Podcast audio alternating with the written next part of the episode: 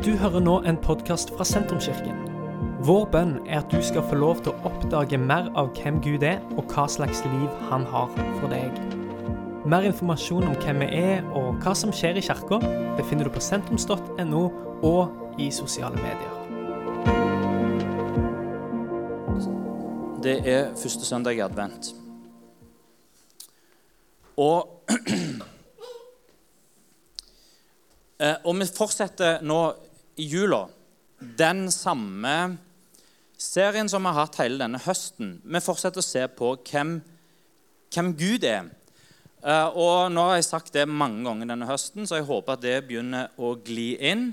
Det er måten vi ser Gud på. Det former, det, det former livet vårt. Derfor er teologi, læren om Gud, det er viktig.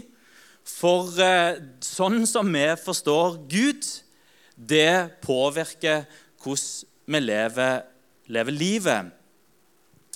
Um, og eh, utfordringen i vår tid, og hvis en skal kalle det det, det sekulære problemet plass i verden, satt oss selv, Det er individualismens problem.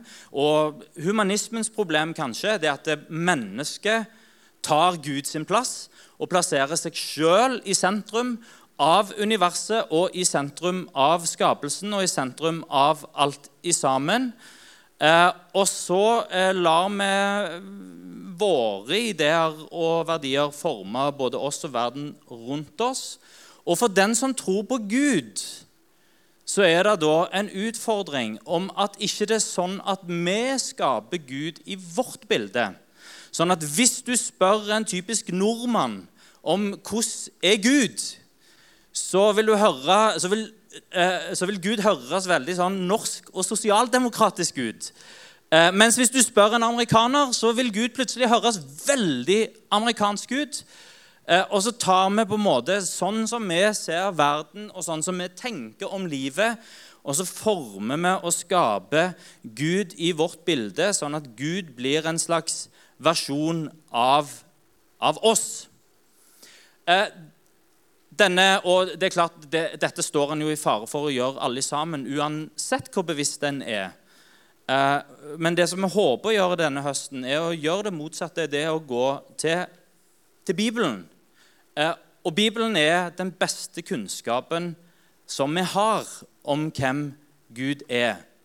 Tenk over dette. Bibelen er Jeg vet ikke om jeg har mine ord i behold på dette, men jeg tror det går, Dette skulle jeg undersøke på forhånd. Eh, jeg tror det går å si at Bibelen er det mest, mest slitesterke vi har i vårt samfunn. Iallfall i Norge. Eh, det er ikke en bygning. Det er ikke ei bro. Det er ikke en vei, selv om det er klart nede på Balkan så kan du finne rester av de romerske veiene ennå. De fins der ennå, men de er bare 2000 år gamle. Denne er mye eldre. Eh, og det er klart, vi har jo, I Sandnes har vi jo bygg som er oppimot 100 år gamle. Eh, og, og, det er klart, Går en til, til Stavanger, så, så er domkirka den er nesten 1000 år gammel. Men, men, men, denne boka her er flere tusen år gammel. Bibelen det, mest, det er det mest slitesterke vi har. Det er ikke en bygning, det er ikke en vei, det er ikke et kunstverk, det er ikke en statue. Det er ei bok med en historie eh, som forteller oss hvem Gud er. Og gjennom det så forstår vi Gud. Og gjennom å forstå hvem Gud er, så forstår vi oss sjøl, fordi vi er skapt i hans bilde. Vårt liv formes av, av han. Og nå når eh, vi går inn i jula, så er det jo veldig naturlig å se på hvem er Jesus og I spørsmålet om hvem Gud er, så er jo dette det kristne spørsmålet som vi trenger å besvare. Eh, ikke bare hvem er Gud, men, men hvem, hvem, er Jesus, og hvor er Jesus sin plass i dette bildet?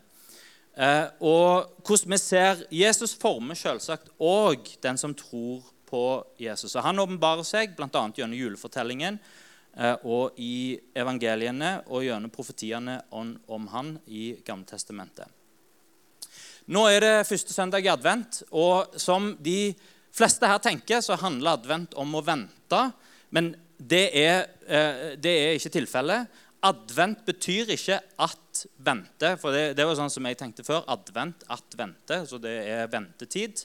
Men eh, advent, ordet advent betyr å, eh, å komme fram. Eller det kan òg bety å finne opp. Det kan òg bety å begynne noe. Så ordet 'adventure', for eksempel, det er ikke bare et ord som er tatt ut fra løse lufta, men det er et ord som kommer fra advent. Eh, et eventyr der du drar på oppdagelsesferd, og der du kommer fram til et sted. Så advent handler om at noe skal komme, noe skal begynne. En feiring av at Jesus kommer. Og Historisk så har advent blitt brukt til å fokusere på at Jesus kommer tilbake. Og På Jesus' i tid så var det en intense forventning om en Messias, om en frelser ifra Gud. Og det var mange som utnytta dette. Det var, det var sjølerklærte profeter eller sjølerklærte Messiaser som, som, som kalte seg sjøl for Guds utvalgte, som utropte seg sjøl til Messias. Eh, og så var det andre profeter som, som etterfølgerne pekte på, og som kalte for eh, Messias for Israels frelser. Hvorfor er det sånn at vi fortsatt feirer Jesus som Messias, som verdens frelser? Hvorfor har hans ord fått forma vår sivilisasjon? Eh, og det er klart det er mye som er unikt med Jesus. Hans død og hans oppstandelse er jo det mest sentrale, men det er òg hans fødsel. Derfor får fødselen til Jesus får mye oppmerksomhet i evangelien. Det er hans fødsel, hans liv, hans undervisning, hans død og hans oppstandelse. Alt, det, eh, alt dette er med å gjøre Jesus unik. Og Julen handler om hans fødsel og hvordan han inn i, hvordan han trør inn i verden. Og Vi skal lese fra Lukas rett etter det som er juleevangeliet som en leser uh, i, på julaften fra vers 20, kapittel 2, vers 21 og til og med vers 35. Da åtte dager var gått og han skulle omskjæres, fikk han navnet Jesus, det som engelen hadde gitt han før han ble unnfanga i mors liv. Da renselsestida som Moseloven påla de var forbi, tok de ham med opp til Jerusalem for å bære, fram for Herren, for å bære han fram for Herren. For det står skrevet i Herrens lov alt av hannkjønn som åpner mors liv, skal være hellige Herren. De skulle òg bringe det offeret som Herrens lov påbyr, et par turtelduer eller to dueunger. I Jerusalem bodde det en mann som het Simon. Han var rettskaffen og gudfryktig og venta på Israels trøst. Den hellige ånd var over han, og ånden hadde latt ham få vite at han ikke skulle se døden før han hadde sett Herrens salvede. Nå kom han til tempelet, ledet av ånden, og da Jesu foreldre kom med barnet for å gjøre med han som skikken var etter loven, tok Simon barnet opp i armene sine. Han lovpriste Gud og sa, Herre, nå lar du din tjener fare herfra i fred, slik som du har lovt, for mine øyne har sett din frelse, som du har gjort i stand like for ansiktet på alle folk, et lys til åpenbaring for hedningene og ditt folk Israel til ære. Hans far og mor undra seg over det som ble sagt om han. Og Simon velsigna, velsigna de og sa til hans mor Maria.: Se, han er satt til fall og oppreisning for mange i Israel, og til et tegn som blir motsagt. motsagt. Ja, og gjennom din egen sjel skal det gå et sverd. Slik skal de tankene mange bærer i hjertet, komme for dagen. Og Jeg har lyst til å ta tak i noen ting fra denne teksten her som forteller oss eh, ikke bare litt, men ganske mye om hvem Jesus er. Første, han fikk navnet Jesus. Eh, og bare navnet sier ganske mye om hvem Jesus er. For navnet Jesus, eller Jeshua som det blir på hebraisk, eh, er en sammensetning av to ord. Det er Gud og frelser. Så navnet Jesus i seg sjøl betyr Gud frelse. Eh, og hvem er denne Guds frelser, og hva skal denne frelseren gjøre? en kan se på Jesus som bro mellom Gud eh, og menneske. Og Ei bro binder sammen to sider. Eh, og For å gjøre det så må ei bro ha to brohoder. Altså det, du, du kan ikke bygge ei bro i løse lufta. Derfor, eh, i, gamle dager når en skulle bygge bro over lange elver, så måtte en først lage et fundament midt i elva med steiner oppå der, sånn en fikk et brohode. og Så kunne en lage disse vakre buene når, når en kunne feste begge deler i på en måte et solid brohode på begge sidene av avgrunnen som det skal bygges bro imellom. Uh, og, uh, og, Hvis du har lyst til å finne ut mer om hvordan disse broene ble lagd, så har jeg en bok hjemme som heter 'Steinbroer i Rogaland', om alle de, de, ulike vakre stein. Den fineste er Skjævlandsbroene her borte. Den er bare så vakker. og Det står i detalj hvordan de lagde disse fantastiske broene. Du trenger brohode på begge sider. Og Hva har det med Jesus å gjøre? Jo, for det er ei side ved Jesus som er bare vanskelig å forstå, men som en trenger å akseptere for å få med seg hva Jesus faktisk gjør. For det er Jesus som bror mellom Gud og menneske trenger å være brohovet på begge sider. Og derfor så er Jesus fullt ut menneske. 100% menneskelige, med menneskelige følelser og menneskelige opplevelser og hele den menneskelige eh, hva skal si, opplevelse, erfaringen, bærer Jesus med seg. Og har kjent på glede, og har kjent på sorg, og har kjent på smerte, og har kjent på sult. Og har kjent på alle disse tingene som Og en er prøvd i alle ting, sier Bibelen òg, og i fristelser. Og fortsatt et, et, eh, et fullt ut rettferdig menneske uten feil. Samtidig Det er brohodet på den ene sida. Samtidig så forteller Bibelen oss at Jesus er òg 100% Gud. Og han er festa i andre sida av avgrunnen òg. Fullt menneske og fullt Gud. Fullt menneske han er født av, født av ei dame. Menneskelige mor, forankra i historien. Eh, når du leser juleevangeliet, så begynner ikke det som et eventyr.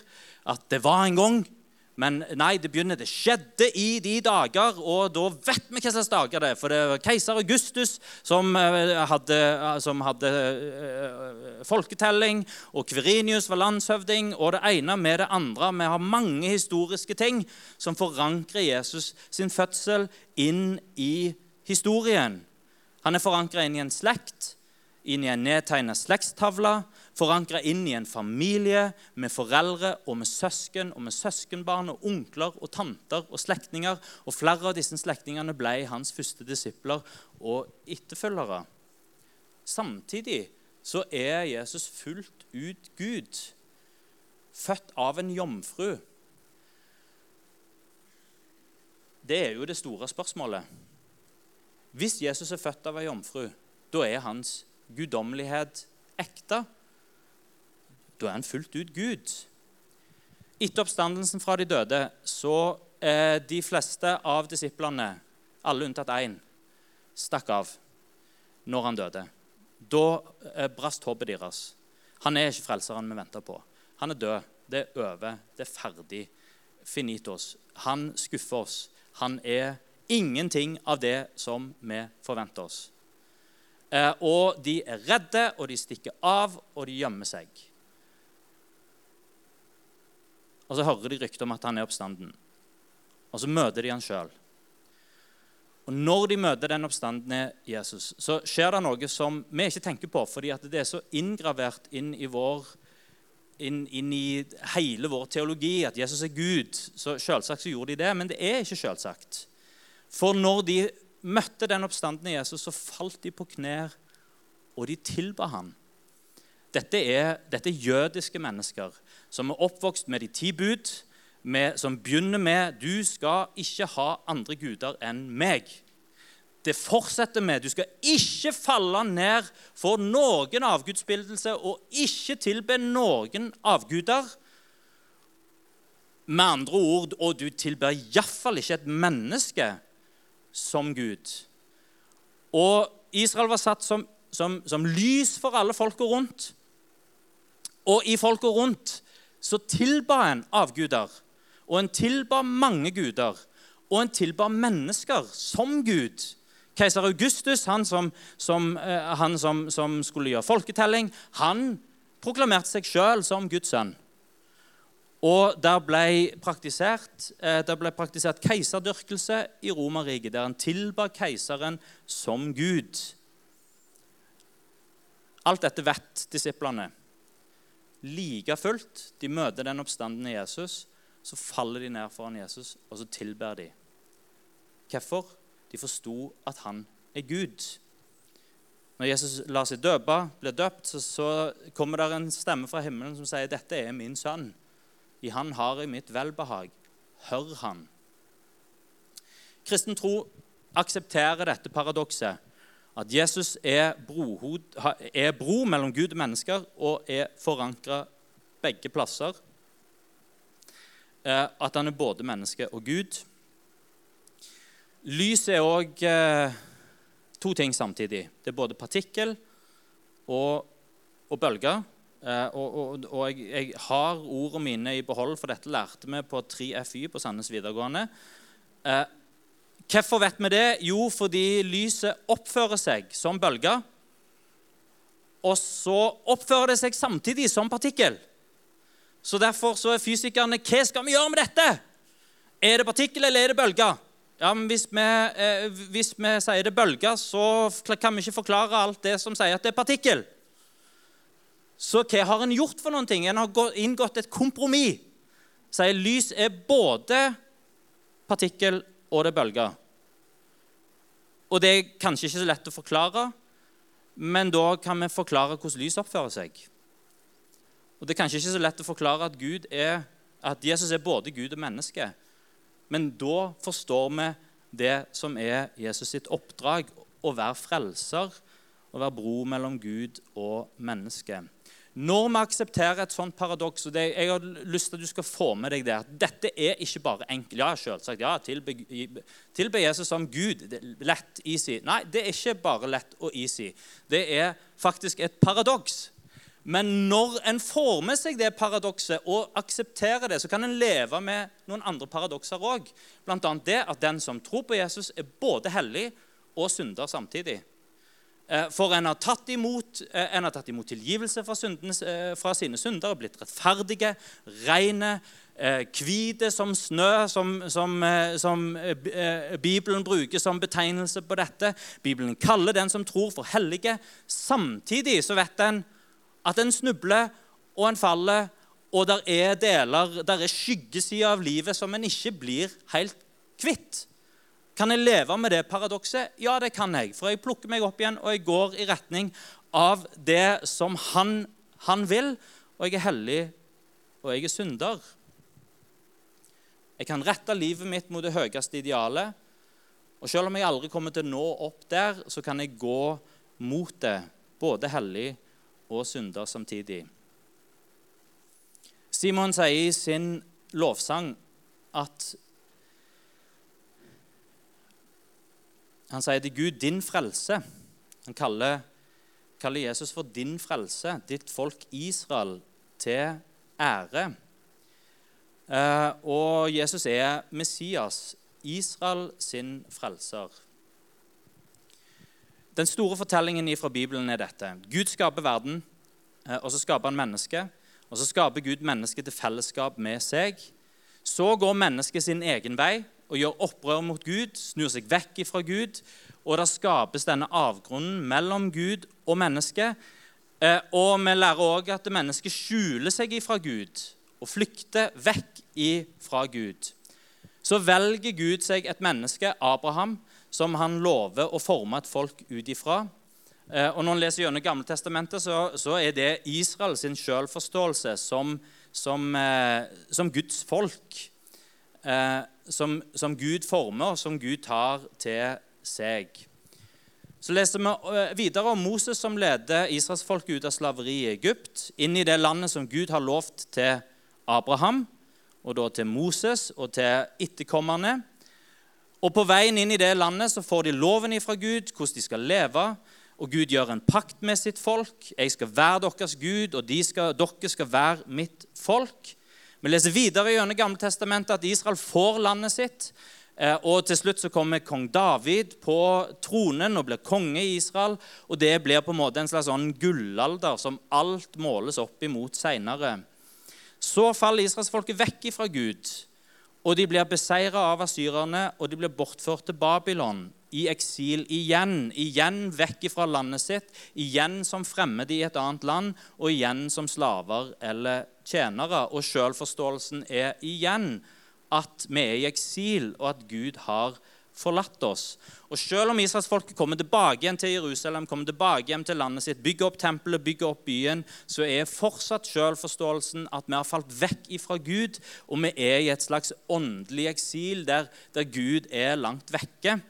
Og Det blir enda mer tydelig når første eh, Alexander den store kommer og inntar Israel. Eh, og, og, og styrer Jerusalem. Og Så kommer romerne etterpå. og De styrer Jerusalem og styrer landet. Eh, og en har en forståelse av at dette her er ut ifra frafall ifra Gud. Og Det er i den situasjonen at det bygger seg opp forventning om at Gud skal gjøre noe nytt.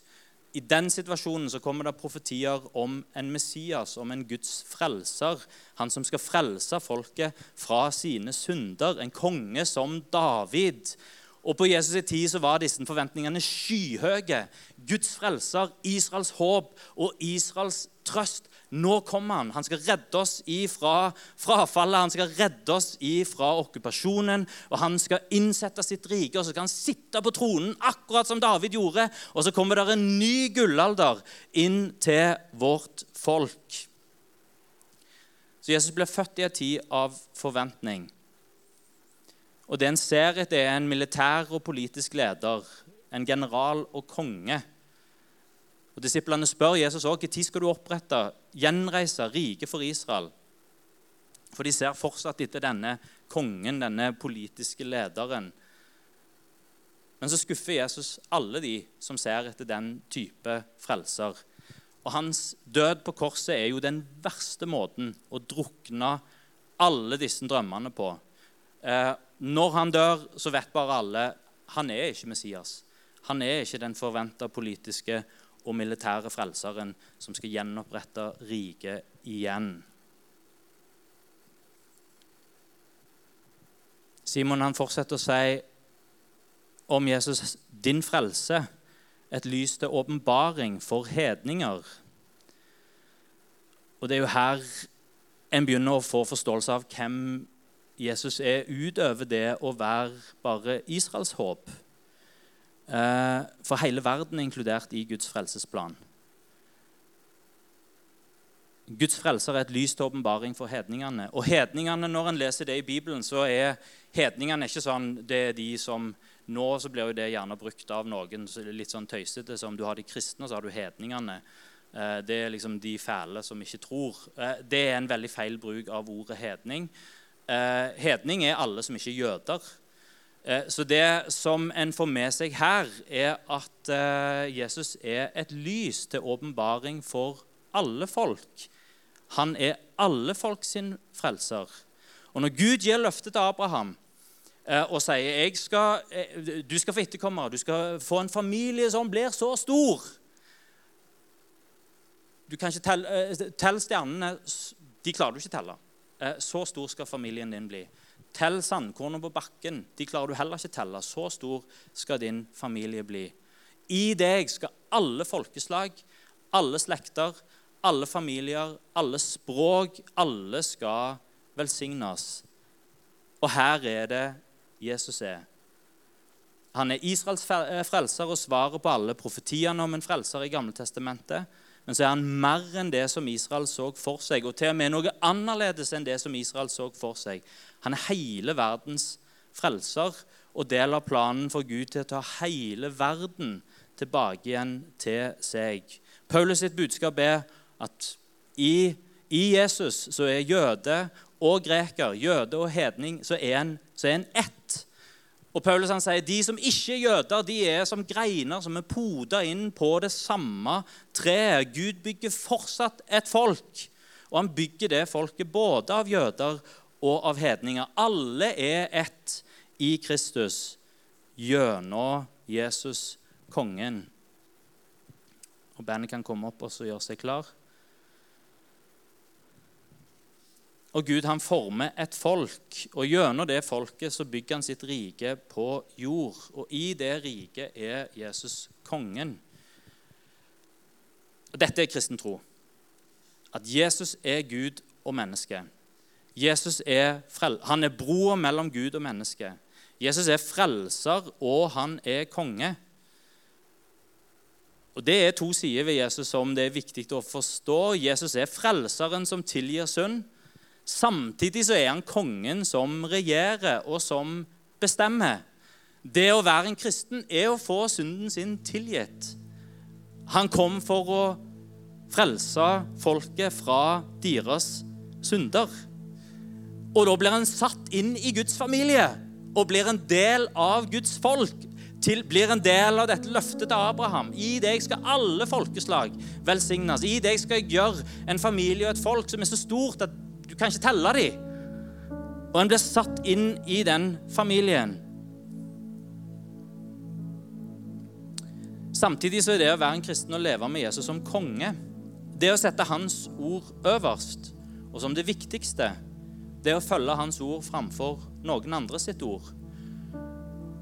Hvis du vil si det litt poetisk, så skal han danse etter hans musikk. Og det er jo litt sånn å ha musikken på, på øra. På, på, på, en uh, AirPod. Mens alle andre hører en annen musikk. Så har en på AirPoden musikken fra, musikken fra himmelen, for å være veldig, veldig poetiske. Og så danser en til den musikken som en hører fra himmelen. Og så er en bare ikke alene om dette. Det er jo det der gamle klippet som gikk viralt for uh, eh, 30 år siden, før internett nesten. Uh, med han som danser, uh, partydanser og som står alene, og ingen har lyst til å være med han. Så kommer det en til, og så er de to, og det er fortsatt ingen som har lyst til å være med dem. Og så kommer det tre-fire til, og så kommer de kule og blir med. Og så plutselig stormer alle framme og skal være med og danse den samme dansen. Og det er litt sånn det er å ha Jesus som konge det å ha AirPods og danse til hans, til den himmelske musikken. Og når det er en gruppe av mennesker som gjør det, ja, men da går det an å se, og det går an å koble seg på. Det å bevege seg etter hans rytme. Himmel, hva er det for noe? Himmel er der Gud bestemmer. Derfor så kaller Jesus kaller Guds rike for himmelens rike. De to tingene er det samme. Når vi har lest nå denne måneden, når vi har lest Bergpreken, her formulerer Jesus idealet for hvordan det ser ut der som Gud får bestemme. Når vi lever med Han som konge og gjør det som Han sier, da er vi med å etablere Hans rike på jord. Og når det er mange nok som gjør det, så opplever vi en smak av himmel. Og vi opplever at det skapes himmel på jorda, at hans rike, som er usynlig, og som en hører som musikk via AirPods, den, det begynner å bli synlig, og det er attraktivt. Å være en kristen er å ønske seg Guds rike, eller det er å ønske seg himmelen, der Gud bestemmer, der Jesus er konge. Med Jesus sin fødsel så kom Guds rike til jorda. Med Jesus sin fødsel så kom himmelen til jorda. Og nå når vi er inne i advent, så er det mer enn bare en forberedelse til julefeiring. Det handler om den samme forventningen som preger Jesu tid, om at Gud skal sende frelseren Messias. Nå er forventningen at han skal komme tilbake, ta plassen sin som konge. Jesus kommer tilbake. Jesus er herre. Det er ikke keiseren som er herre, det er Jesus som er herre. Og vi lever i den forberedelsestida der vi gjør alt klart for Han. Flere av lignelsene til Jesus handler om dette.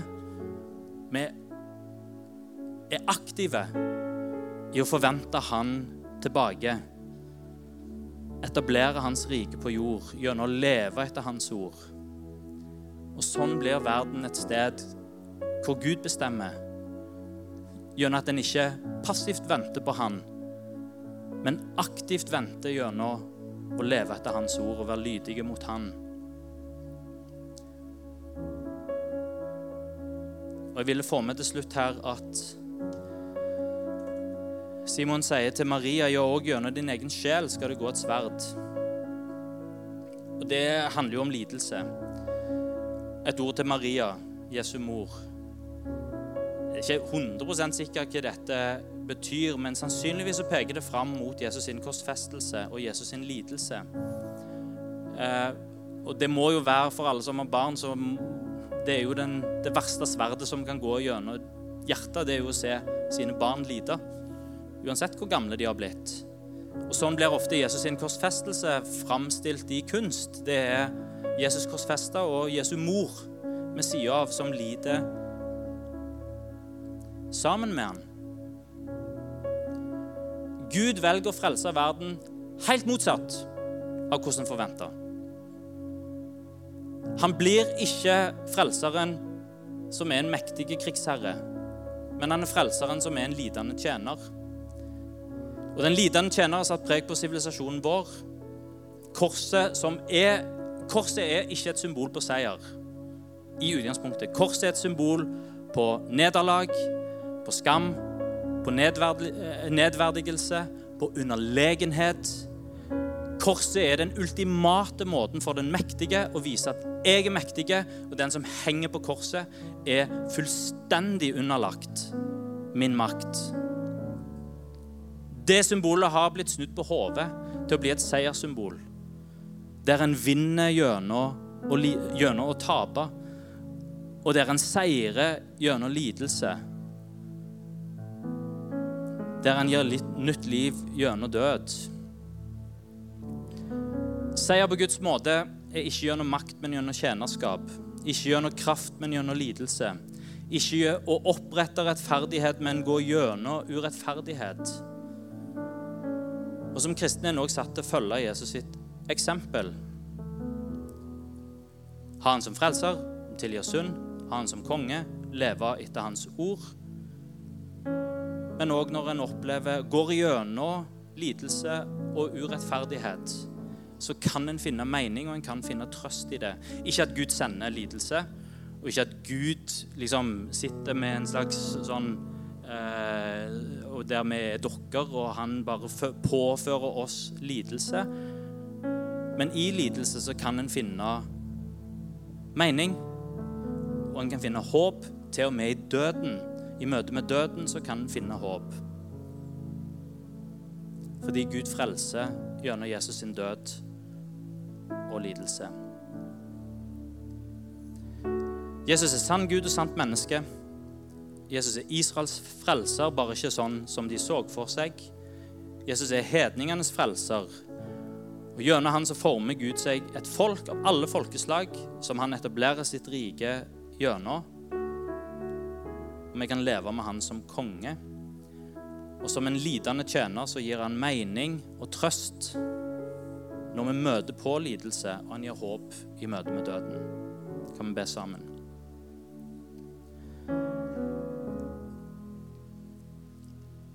Herre Jesus, takk at du kan ha medfølelse med den som går gjennom lidelse. Takk at du har vunnet seier over sykdom. Takk at du har vunnet seier over død. Takk at du har triumfert en gang for alle. Takk at du har gjort skam og nederlag til seier, Herre. Takk at vi kan få erfare det. Takk at vi kan erfare deg som frelser som tilgir oss all, all synd. Takk at vi kan få erfare deg som konge, der vi følger ditt ord. Følger ditt eksempel. Og takk at vi kan finne trøst òg i vanskeligheter.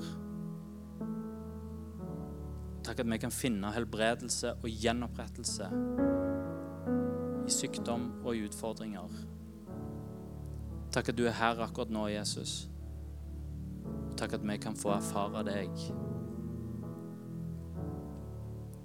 Kan vi reise oss? Kan lovsangerne komme opp, så skal vi lovsynge sammen?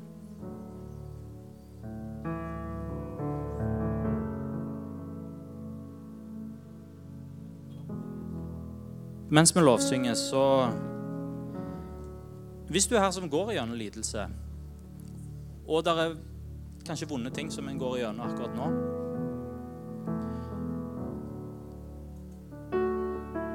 Noe av det store med kristen tro er at du kan finne, du kan finne trøst og mening i lidelse. Men så er det mer enn det òg. For Bibelen sier at ved hans sår så har vi fått legedom. Og i det som Jesus har gjort på korset, så er det òg gjenopprettelse.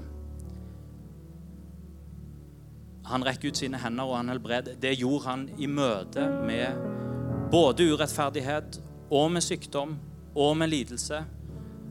Så la han sine hender på folk, og han helbreda, og han sa himmelens rike kom nær, Guds rike kom nær.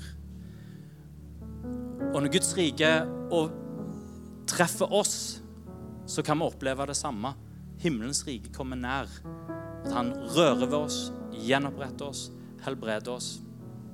Mens vi synger den siste lovsangen hvis, hvis det er ting som du går gjennom, så gi det til Gud.